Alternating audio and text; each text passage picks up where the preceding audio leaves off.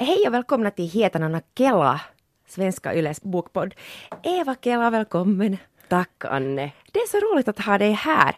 Ja. Du har gjort massor med program för finska sidan, åtminstone för Huomenta Suomi så har du haft ett mycket populärt inslag som handlar om Minun kirjahyllini, där ni har pratat jättemycket om böcker. Mm. Så, så folk känner igen dig åtminstone hemskt bra från finska sidan. Mm. Ja, och sen har jag intervjuat ganska mycket författare på eh, akademiska bokhandeln. På sådana här liksom live-tillställningar där jag har No, nu till exempel när, när Finlandia-priset delades ut så intervjuade jag liksom alla som hade vunnit. Gud, vet du hur stressigt det var? Uh. När ingen, jag visste två timmar innan vem som hade vunnit och så skulle jag liksom på, på måfå bara läsa typ alla kandidater och bara gissa mig fram. Nå, jag gissade lite fel men det där, jag klarade nog av de där intervjuerna sen helt bra. Men, men att läsa är en stor passion och jag tycker om att läsa och jag har alltid läst mycket men jag är inte på det sättet sådär eh, teoretiskt väldigt bevandrad liksom i litteratur sådär. Men det behöver man kanske inte vara. No, nej, absolut inte. Alltså det viktigaste är ju den här passionen, bara att man älskar att läsa. Och sen det som är så roligt med dig är att, att jag tänker mig att du läser och har läst jättemycket på finska. Och jag skulle gärna göra det också. Och tack vare dig så har vi nu en jättestor roman framför oss. Mm. Rakkaus Ninku, Johannes Ekholm, och det var du som sa att vi skulle läsa den här. Och tack, tack för det. Alltså, hoho. Hey, ska vi bara gå rakt in på den helt enkelt? Ja, det tycker jag. Det tycker jag verkligen. Uh, bara som, uh, ja, kanske som fundament liksom till bara vad det här är, så måste man ju kanske förstå den där kontexten i, i vilken värld Johannes Ekholm lever. Johannes Ekholm är alltså manusförfattare och, liksom, och grafisk designer. Så att han har ju skrivit till exempel den där Kaspar Hauser som var alltså en sån här eh, Y-generationens uh, egen pjäs som gick på Q-teatern ja, för två år sedan kanske. Alla pratade om den. Jag har inte sett den. Inte jag heller, men inte gjorde något. Men varför har inte du sett den? För att jag hann inte riktigt med. Det var, jag minns när den gick och, och jag kollade spelplanen och det var det ena med det tredje och så, så swish hade den gått förbi. Det är nog jättevanligt att det händer så. Vet du varför jag gick, alltså jag, jag måste bara sluta vara så här barnslig för det straffar ju sig.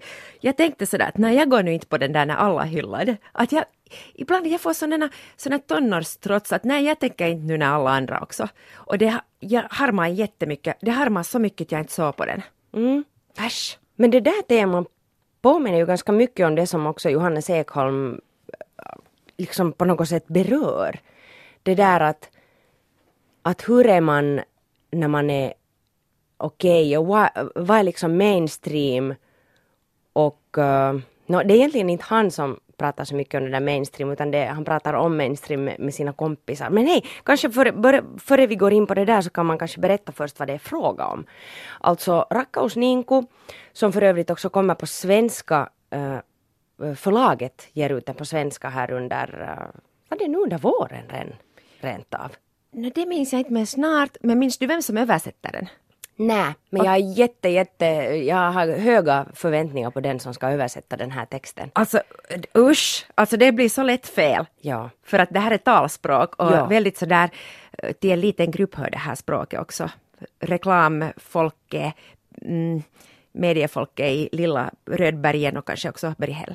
Ja. No, jo, men jo, berätta om boken. No, det handlar om Jona, en 30-plussare som uh, lider av ja, livsangst kan man väl säga. Men han är inte sådär liksom psykiskt allvarligt sjuk på det sättet att han inte skulle fungera.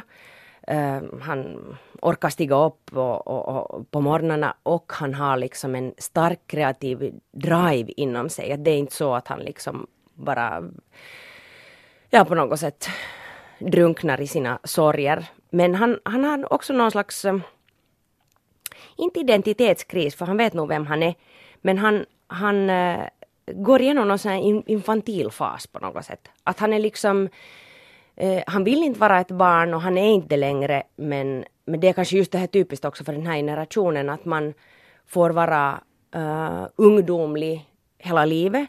Och vad betyder det att vara ungdomlig? Nå, det, det kan man ju liksom tolka men, men han har kommit så långt att han har förlorat sitt jobb och, och därmed då säkert sin, sin lägenhet och, och har flyttat hem till sin, tillfälligt då, till sin far som bor i Kyrkslätt med sin Sirpa som är hans sambo och, och han bor alltså hemma hos sin pappa, degar där och, och, och liksom sen har han strejta ett halvår, det vill säga han dricker ingen alkohol eller tar inga droger. Och, så det här är inte en bok på det sättet för den här U-generationen som den då har liksom annonserat som. På det sättet att det skulle vara en sån här liksom supa, knulla, droga, äh, skita i allting och, och liksom på något sätt leva, leva den här, uh, vad ska vi säga, stereotypa ungdomsrevolten. Utan det handlar nog om något helt annat. Det handlar om, om eh, generationsklyftor, jättestarkt. Och, och sen är det stark kritik mot lönearbete och hela det systemet som bygger kring det. Jag tyckte om när du sa att han är infantil för att han är ju då 30 plus, plus men han är väldigt mycket i trotsåldern hela tiden. Uh, han, han ska säga alltid emot allas argument och, och sen också mot sina egna argument och sen ska han förstås göra uppror mot sin far också. Mm. Och allt det här är egentligen skriven som en pjäs på sätt och vis. Här finns all, alla stycken börjar med såna anvisningar att hur, hur ser det här ut, hur är upplägget? Och um, den här Jona i boken, så han har fått i, ett bokförlag har kontaktat honom och bett honom att skriva en bok. Och han tycker att han, han vill gärna göra det, men han vill göra det på ett så äkta sätt som möjligt och sen med så lite arbete som möjligt. Så hans lösning är att han bandar alla samtal som han för under en viss tid av sitt liv, en, en, kanske några veckor. Vad skulle du säga till det, eh, det är en vecka. Är det en vecka? Ja, okay. det är en vecka under våren 2016. Och, och sen för att ännu göra lite mera och kanske få något djup in så har han med en, en chattkonversation med en flicka. Och det här är då boken. Okej. Okay. Och mm. vad, vad, vad, vad var det jag skulle påstå? Jo, att jag, jag fick lite bort min det här ledsenhet över att jag inte hade sett Kaspar Hauser, för jag tänkte att det här är egentligen en pjäs som vi läser. Och så tänkte jag att, att kanske det här var ganska mycket av det där Kaspar Hauser också. Att det är ju ändå samma människa som har gjort båda, så jag tror att jag fick en del där. Mm. Samma den är ju på det sättet nog eh, klyftig och han säger liksom själv att han, eh, eller Jona säger, det här är ju inte Johannes, den här Jona.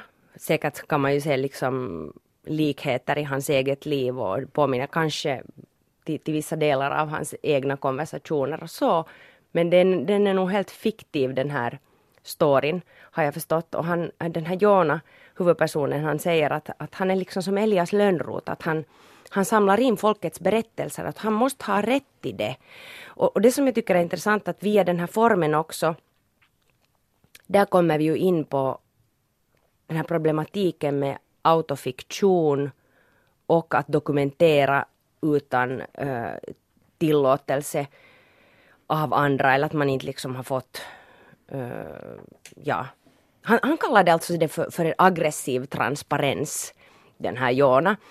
Men det som jag tycker är jätteintressant att en stor uh, och viktig tråd i den här boken är ju det där han kritiserar sin egen far, det vill säga den uh, typiska kulturmannen, en uh, äldre medelålders herre som, som har skrivit många böcker och, och den senaste är då verkligt autobiografisk på det sättet att pappan har, har beskrivit sitt förhållande till eh, sin exfru, det vill säga Jonas mamma.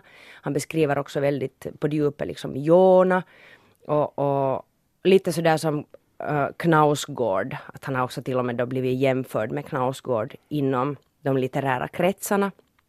Och Jona är förbannat arg på, på sin pappa, inte bara för att han har gjort intrång på hans privatliv och, och det här att han jag tycker det var så jättesnyggt sagt det som han, att jag måste, jag måste hitta det var han sa det. Han sa det på sidan eh, 267 så säger han, det, alltså den här boken för övrigt bara som en parentes är sån att jätte jätte ofta så kände jag att wow, det där var på pricken. Att wow, även om det där språket är liksom sådär eh, på ett sätt eh, klump nej, klumpigt är det inte. Det är jättesmidigt men det är ju inte liksom korrekt. Och det är talspråk som är, som är liksom transkriberat. Men att han får det till att bli super, super högklassig litteratur. Det måste jag säga att det, det lyfter jag på hatten. Han, han, säger så snyggt till sin farsa. De, de håller ju på alltså liksom och, och, ja, de bråkar ju ganska mycket om det här att vem äger storyn? Vem har rätt att skriva vad? Uh, har man rätt att göra, göra intrång? Får man tolka folks upplevelser? Får man använda andra människors liv som material i sina egna produkter eller, eller sin, sina konstverk? Och det säger, han säger det så snyggt här. Sä puhut aina siitä, että sulle on ollut tärkeää saada kertoa sun tarina, sun näkökulmasta. Mutta oot sä ajatellut, että sun tarina on kaikkien muiden tarinoiden vaientamista ja ylikirjaamista. Se on toiseuttavaa ja aiheuttaa tuskaa. Och jag älskar det där att det inte bara det att man stjäl och kidnappar en story utan man också skriver över den andra, att man tystar ner den andra med sin story. Hängde du med där?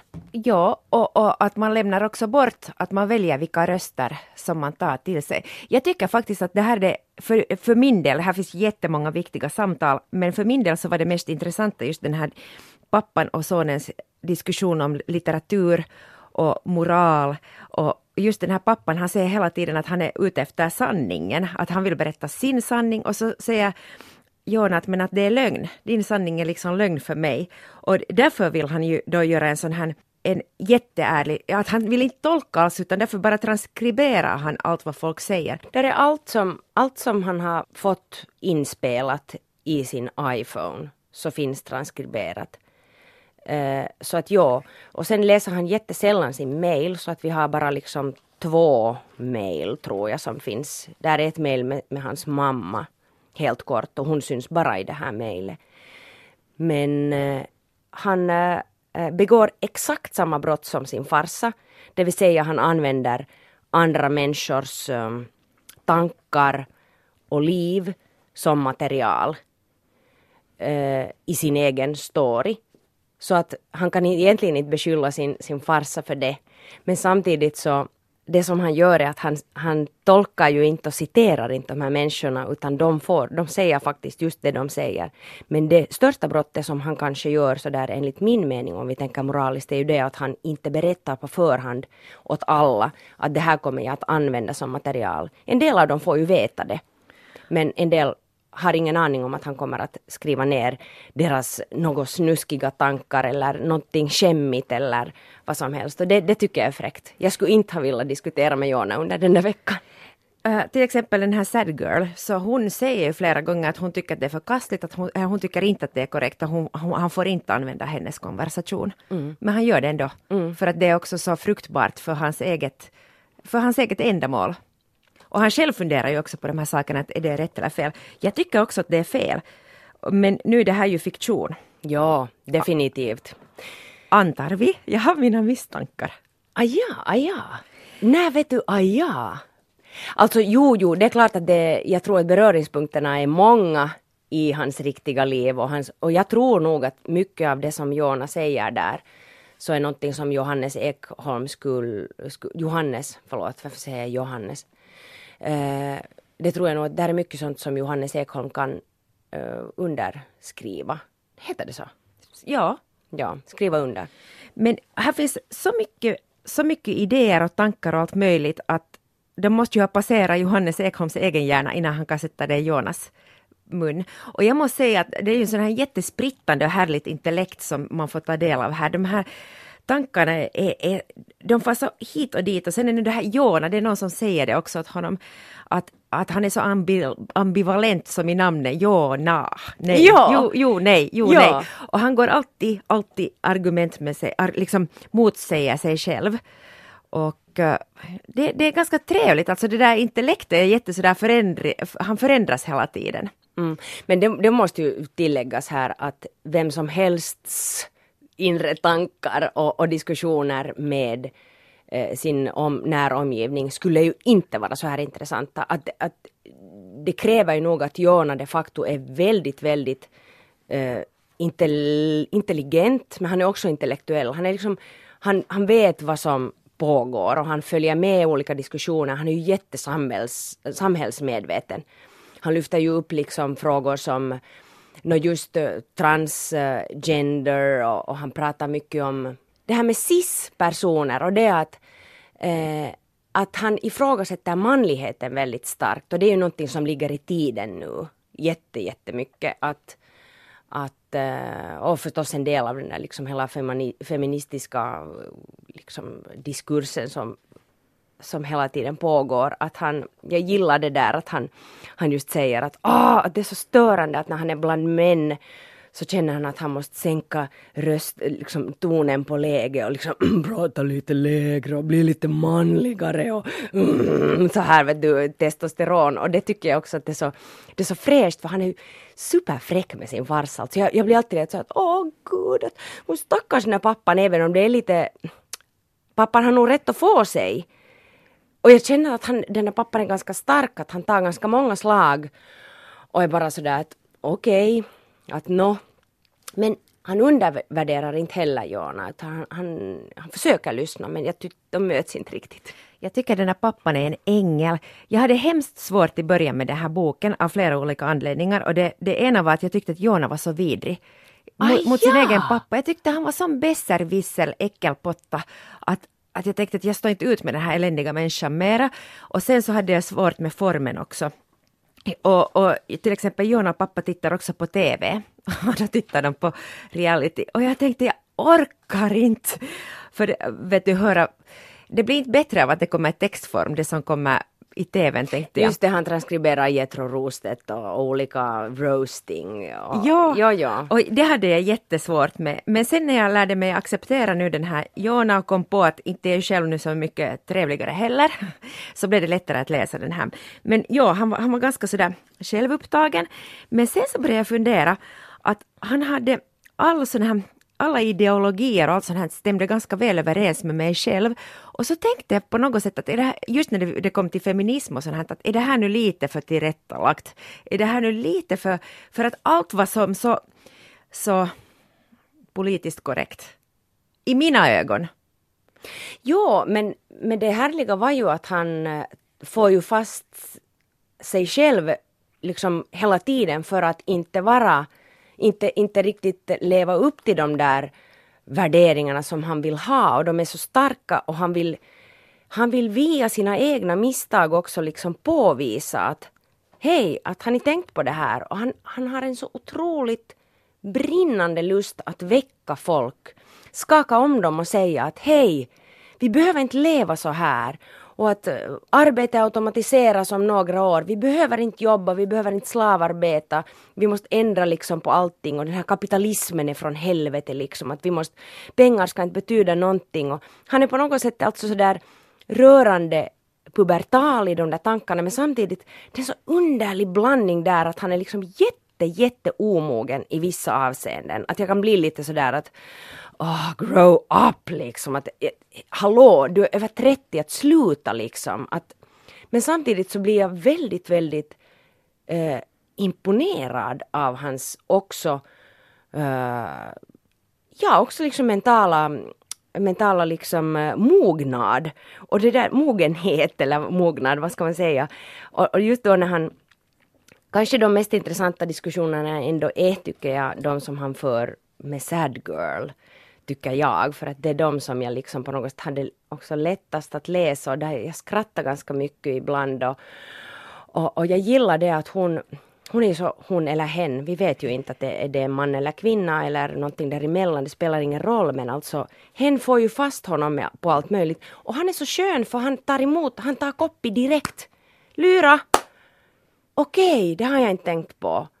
Och det där tycker jag är avväpnande och härligt och liksom på något sätt en sån här att jo, jo, alla ska läsa den här boken på grund av just det där att man och han ifrågasätter liksom hela sitt jag och hela det att vem han är. Och att ska det vara så, var han lever, att ska det verkligen vara så här? Han är oerhört medveten men samtidigt, jo, jo, jo, jag håller med vad du säger, men det blir som så jäkla tungt. Alltså det blir så tungt att ifrågasätta allt. Och kanske det är bra just då för mig som är nu 40 plus att det här får mig lite tillbaks till min ungdom när man herregud så jag pratar. Därför, när man ifrågasatte precis allt, att ska man jobba, ska man, ska man, ska man, och det där, sen på något sätt så blir det så att man orkar inte ställa de där frågorna mera. Men kanske nu igen, ja, och jag fick nog ett uppvaknande av den här boken och började fundera att, att hej, vi lever nu, att ska, måste jag jobba, men samtidigt så jo, jag måste jobba. Mm. Att jag vet inte riktigt vad, han erbjuder ju inte riktigt heller några lösningar. Jo, medborgarlönen, den lyfter han upp jättemånga gånger, Jona. Att, att varför, varför liksom ska man jobba bara för att jobba, för att, Eh, för att samhället och välfärdsstaten ska upprätthållas, när det egentligen är så att det inte finns jobb för alla, för det automatiseras och robotiseras. Och, och det att man bygger sin identitet kring ett yrke, att det är liksom det är förkastligt, han hatar det. Och de facto så blir det ju mer och mer så att vi inte kan, kanske om 10-20, jag håller med Jon, att 10-20 år så inte kommer någon att säga att jag är äh, rörmokare eller jag är journalist. Utan du är någonting och sen det där att vad gör du?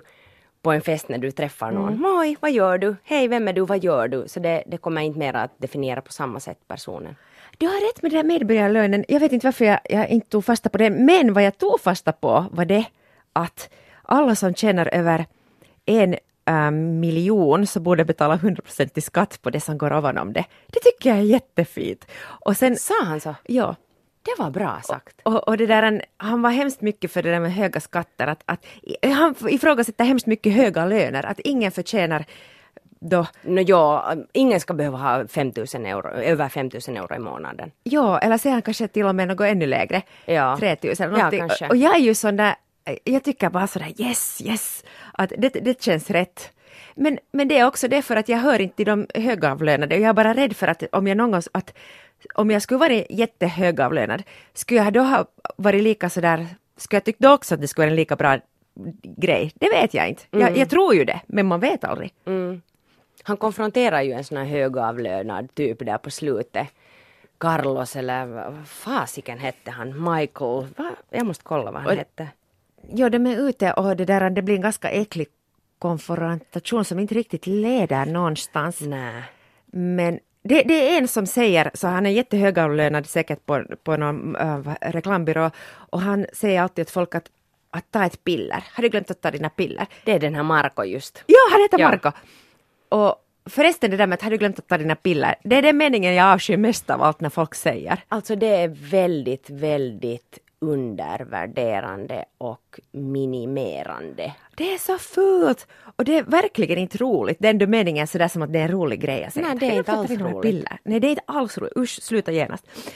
Jag, jag funderar bara på det här just den här, det här greppet att man bara hör andra människor och liksom bara samtal som då Jona de facto är medveten om att det här bandar jag och det här kommer att bli material. Så det inverkar ju liksom på vad, vad man talar om och hur. Men sen det att jag saknar faktiskt lite Jonas inre dialog.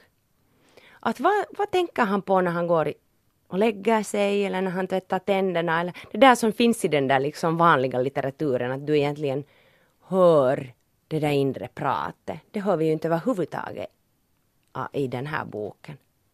Saknar du det eller tänkte du någonsin på det? Inte alls. Jag tycker att han tjattrar så mycket här. jag, jag, är helt, jag är helt trött på hans alla tankar nu. Okej, okay, så du skulle inte orka höra en, en stund till? Inte, inte, inte en mening till. Nej. Jag, jag tänkte inte ens på det där. Tänk att jag inte ens tänkte på det. Men jag förstår dig, jag hör dig, men jag håller inte med. Jag för, men jag tror att det skulle ha varit något helt annat om vi skulle ha lyssnat på honom då han är ensam. När han äh, tittar på någon film, när han plöjer igenom olika produktioner av viktiga kultfilmer och annat och, och gör anteckningar. Där skulle jag vilja höra honom. Det är kanske hans nästa bok. Kommer det mera eller har han sagt allt redan? Jag vet inte. Jag måste säga att um, kanske jag inte ställer det nu till med något problem på det sättet men den väcker i och med att den är ganska o, okonventionell heter det.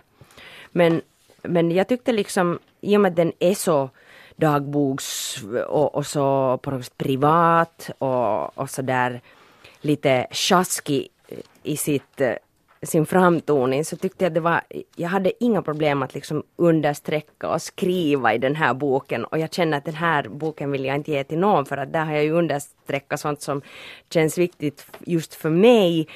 Och, eh, och det som jag ville komma till var att det konstiga är att trots att det här är sån här liksom mishmash av tankeflöden och samtal med olika människor så har den en helt klar dramaturgi och det är ju helt själva peli att uh, Johannes som är manusförfattare, det är ju klart att han liksom har en dra dramaturgisk kurva och, och att den, den når till en point of no return tycker jag då när han träffar Zoe, Zoe. Visst älskar du henne Anne? Snälla jo, säg att jo, du gjorde det. Men hon, jo, och så var jag lite avundsjuk på henne för att hon var så fri. hon var fri ja. Men hon var, hon var verkligen fin. Där, där, där, det, det, var hemskt oväntat för mig att hon faktiskt kom in och att hon fick påverka, eller man kanske läste in också det vad man ville där, men att hon, hon, hon föränd, kommer att förändra hans liv. Jag älskar henne för att hon, hon tog inte något fighter med honom. Vet du, att, eh, inte höll han nu på att provocera henne heller, men, men hon hade en, liksom en helt annan, ett helt annat tillmötesgående liksom mot honom. Hon tog honom på ett helt nytt sätt, tog byxorna av honom direkt liksom. Utan att ens, hon gjorde det omedvetet. Men hon var så här, hej får jag ta en selfie med dig, du är så jättelång och jag är så jättekort.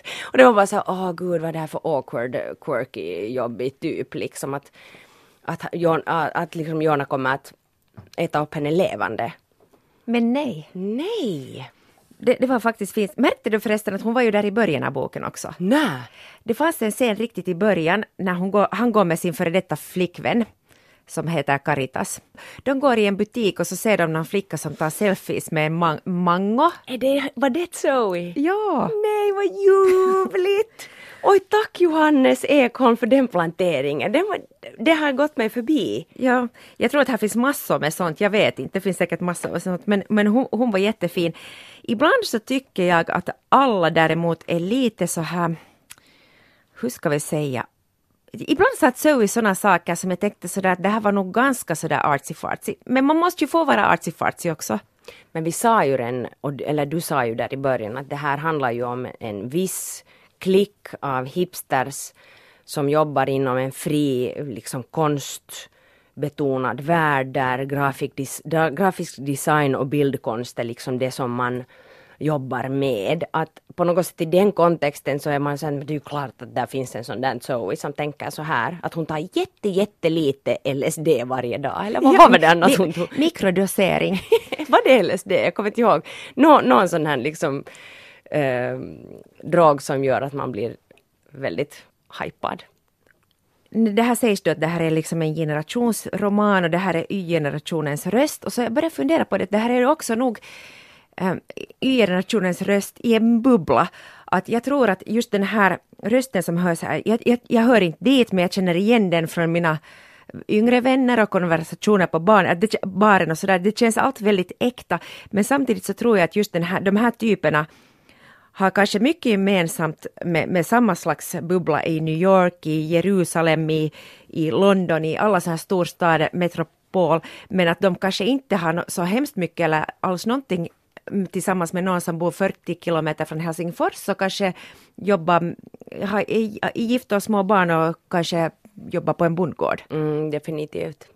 Definitivt. Men sen tror jag också, eh, han ironiserar ju också Johannes det här att, att han nu ska då skriva om Y-generationen och han ska nu vara den här rösten, den här Jona.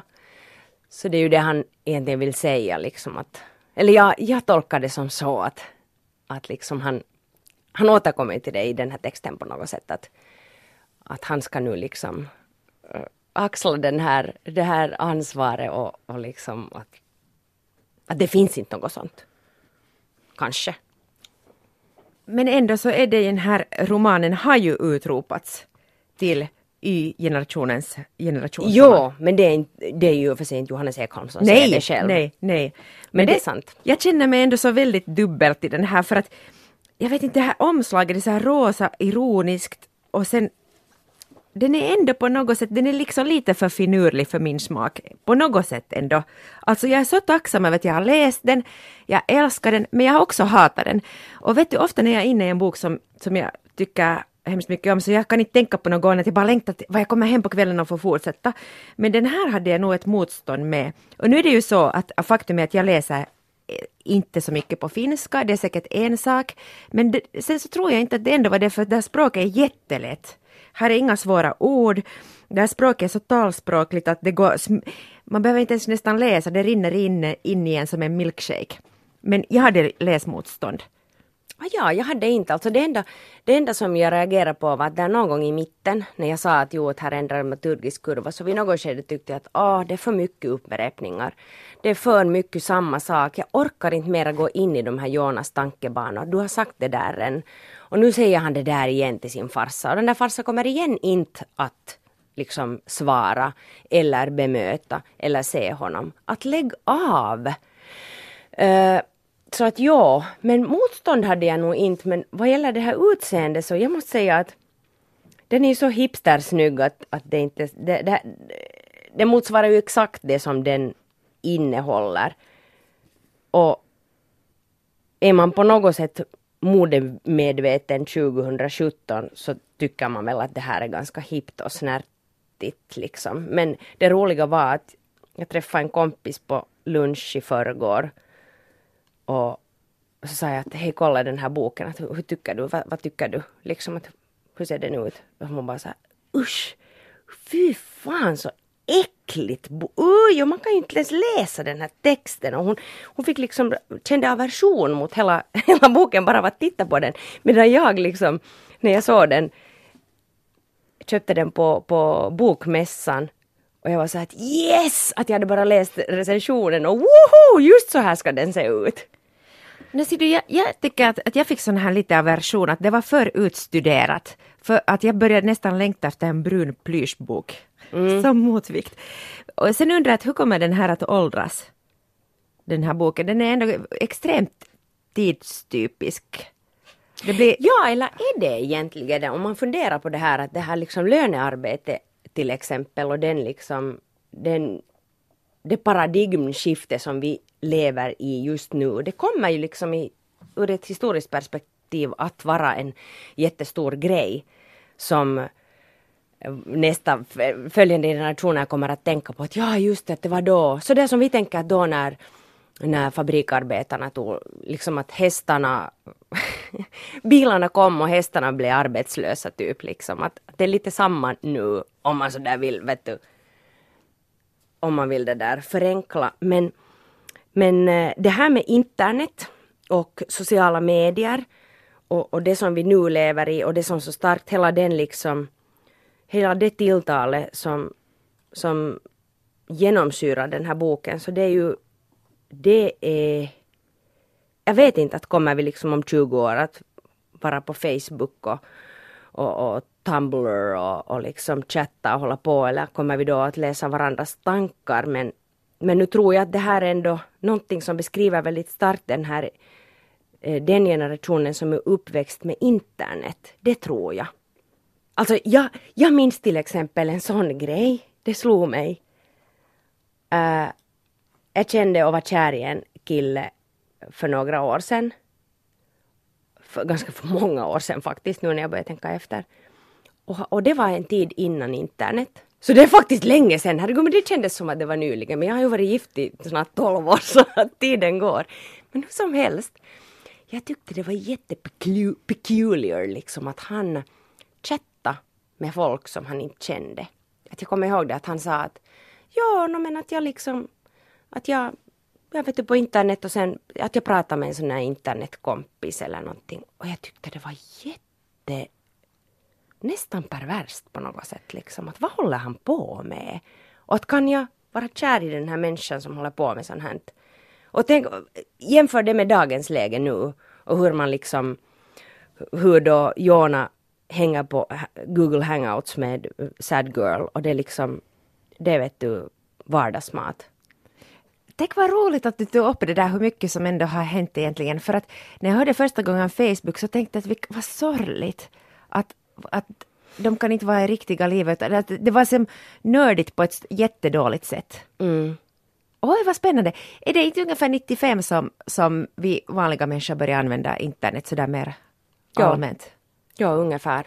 Men jag kommer ihåg att 97 så har jag studerat på en skola där det var sådär att, att jag, jag frågade liksom att vänta nu men att, att måste man skriva HTTP och punkt, punkt och det där. Liksom att, jag var nog jätterädd för den här teknikens värld och det där. Och det låter som att vi skulle vara lastgamla nu, men vi är ju inte det. Men det är ju nog, det är ju nog stor äh, skillnad på, både du och jag hör till X-generationen. Ja, fast man har ju lite frångått det där att X och Y och, och, och att, för att de går så in i varandra de generationerna, det är jättesvårt att säga, men det är sant, vi är 70-talister båda. Mm. Hur mycket identifierar du dig med de här typerna i den här boken? Förvånansvärt mycket måste jag säga. Jag vet inte om jag är liksom jättebarnslig eller omogen, men samtidigt så har ju livet blivit mera ålderslöst, åtminstone här i västvärlden.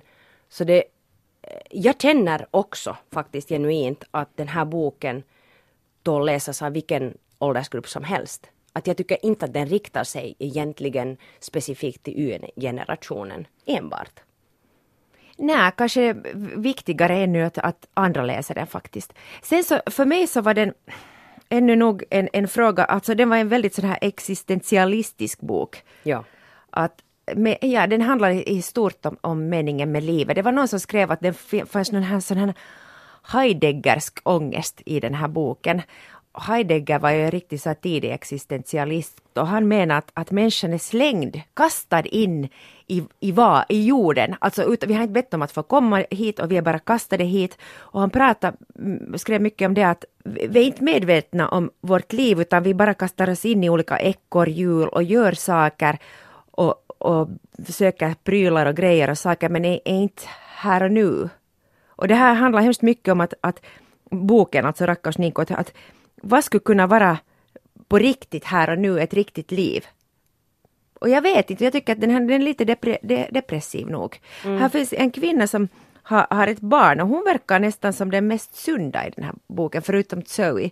Att på något sätt att när man får eller måste och ta hand om någon som ska fortsätta här i världen så har man inte heller råd, eller man kan inte kasta sig in i de mest eh, deprimerande tankarna. Man kan inte göra det. Man hinner inte. Man Alltså det finns inte utrymme. Jag tror att även om man skulle ha behov av att gå dit så det finns inte och det är det som räddar människan. På Ja, många sätt. ja. För att man inte kan, man kan inte snurra och det är ju det som han också lyfter upp här jättemycket den här egocentriciteten och det att han förstår att ah, han håller på och går och går och går kring sitt eget jag och det tycker jag om att här det lyfts jättemycket upp i den här boken. Det är många röster som talar om det här att vad är jaget?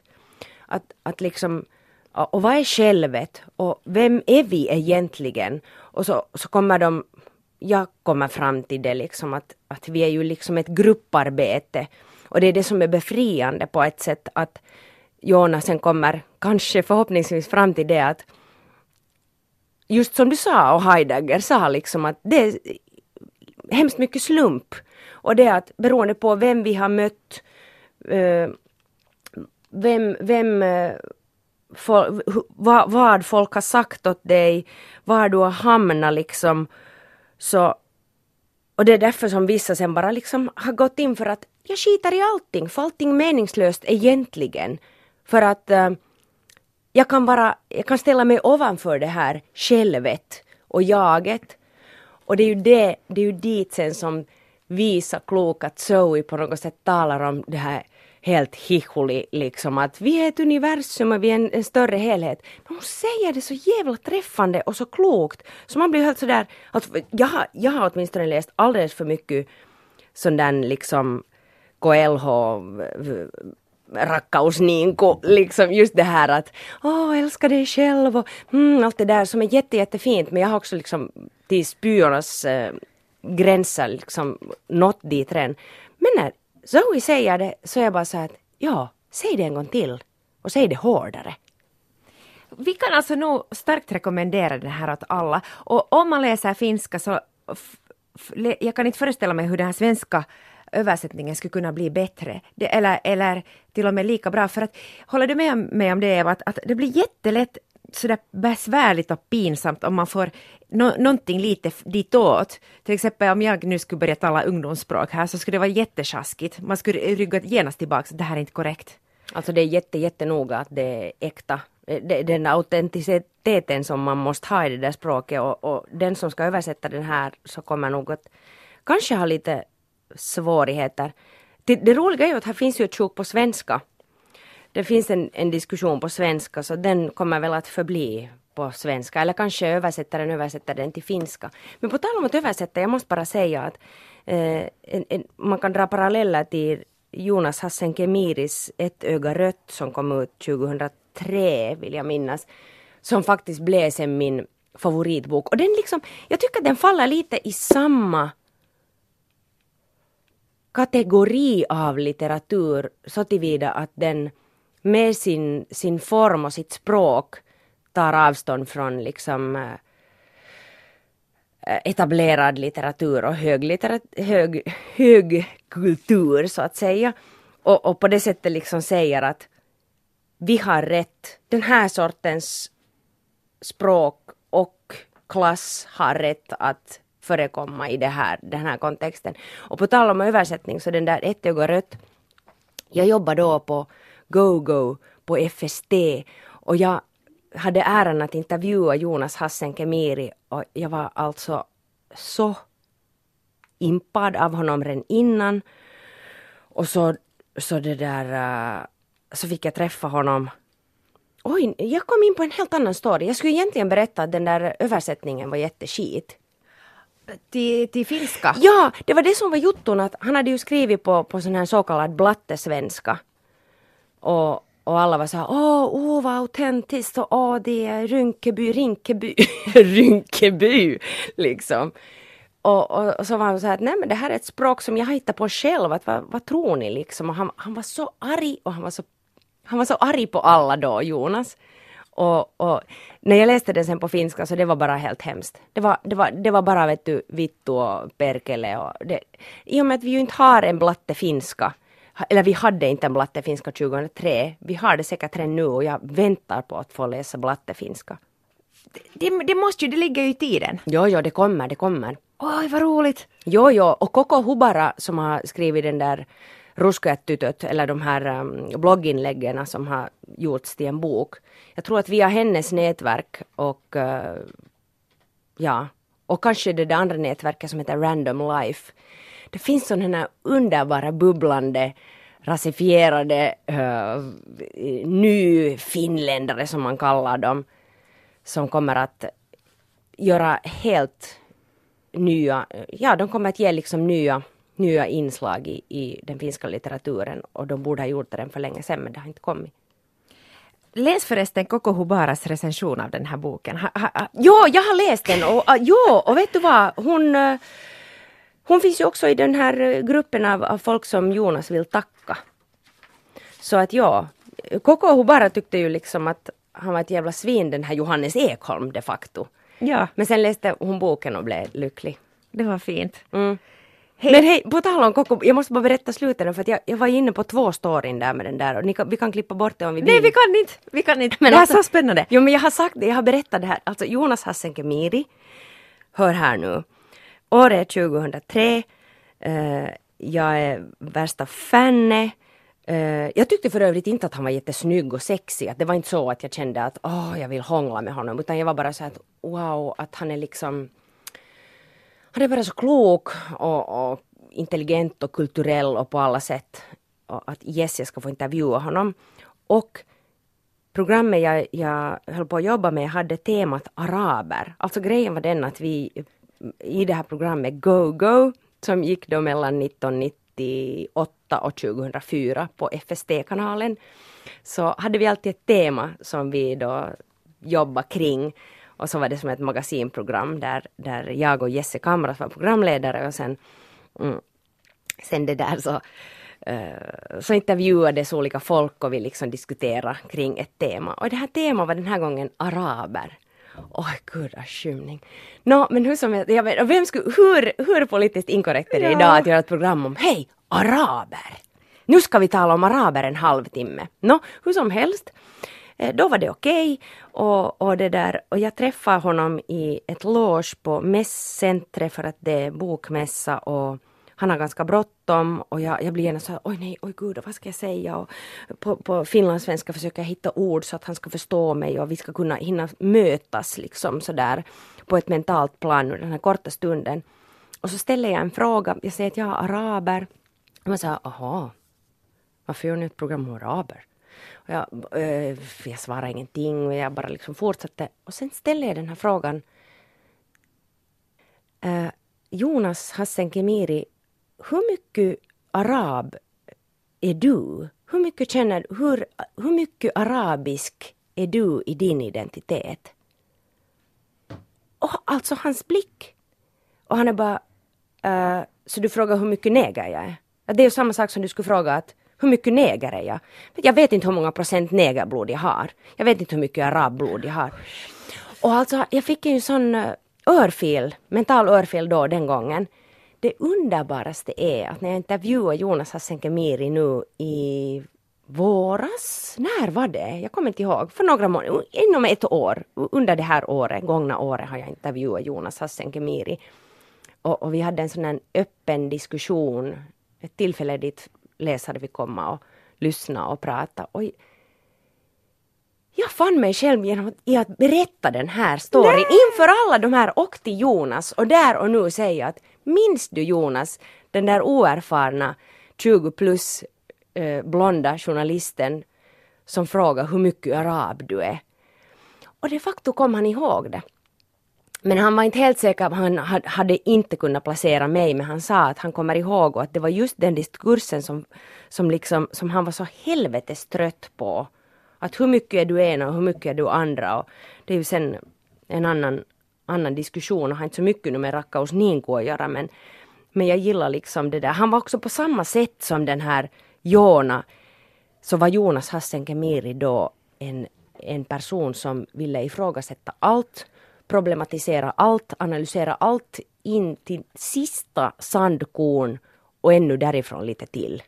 Jag satt här för, för mig själv och försökte googla, googla i mitt huvud föregångare eller släktskap eller någonting. Jag kom inte på så desto mera men där skulle man faktiskt kunna tänka på något, att där finns något släktskap. I, Åtminstone i språket. Ja, just det att det är hemskt långt från det konventionella sättet att skriva hur det ska se ut.